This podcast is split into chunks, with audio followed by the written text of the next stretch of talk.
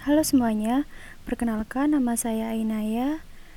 Di sini saya akan menceritakan sebuah pengalaman seseorang, namun bukan pengalaman pribadi saya sendiri. Eh, Dia adalah seorang bidan. Pada tahun 2014, bidan tersebut menerima telepon dari seorang laki-laki. Keadaan waktu ia menelpon itu malam hari, pada saat hujan.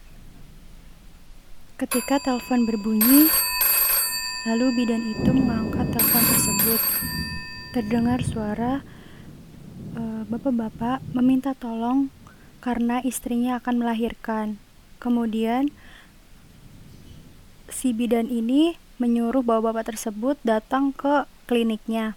Namun, bapak-bapak tersebut tidak mau datang ke kliniknya karena istri ini tidak kuat untuk datang ke sana. Akhirnya, bidan tersebut mendatangi uh, rumah bapak-bapak tersebut. Namun, bapak-bapak tersebut menjemput bidan ini.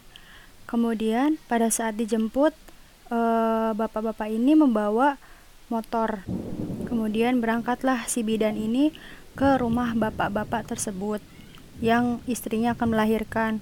Pada saat sampai di rumahnya, rumahnya itu sangat mewah sekali megah. Kemudian bidan tersebut memasuki uh, rumah tersebut kan. Setelah itu uh, bidan tersebut bertemu istrinya sedang ingin melahirkan. Posisinya ada di kamar uh, mereka. Kemudian pada saat selesai melahirkan, beliau uh, bidan tersebut diberikan uang. Dan karena hujan belum reda, Akhirnya beliau e, menginap di rumah orang tersebut. Pada saat menginap, tiba-tiba saja jam 3 pagi tepatnya bidan tersebut terbangun.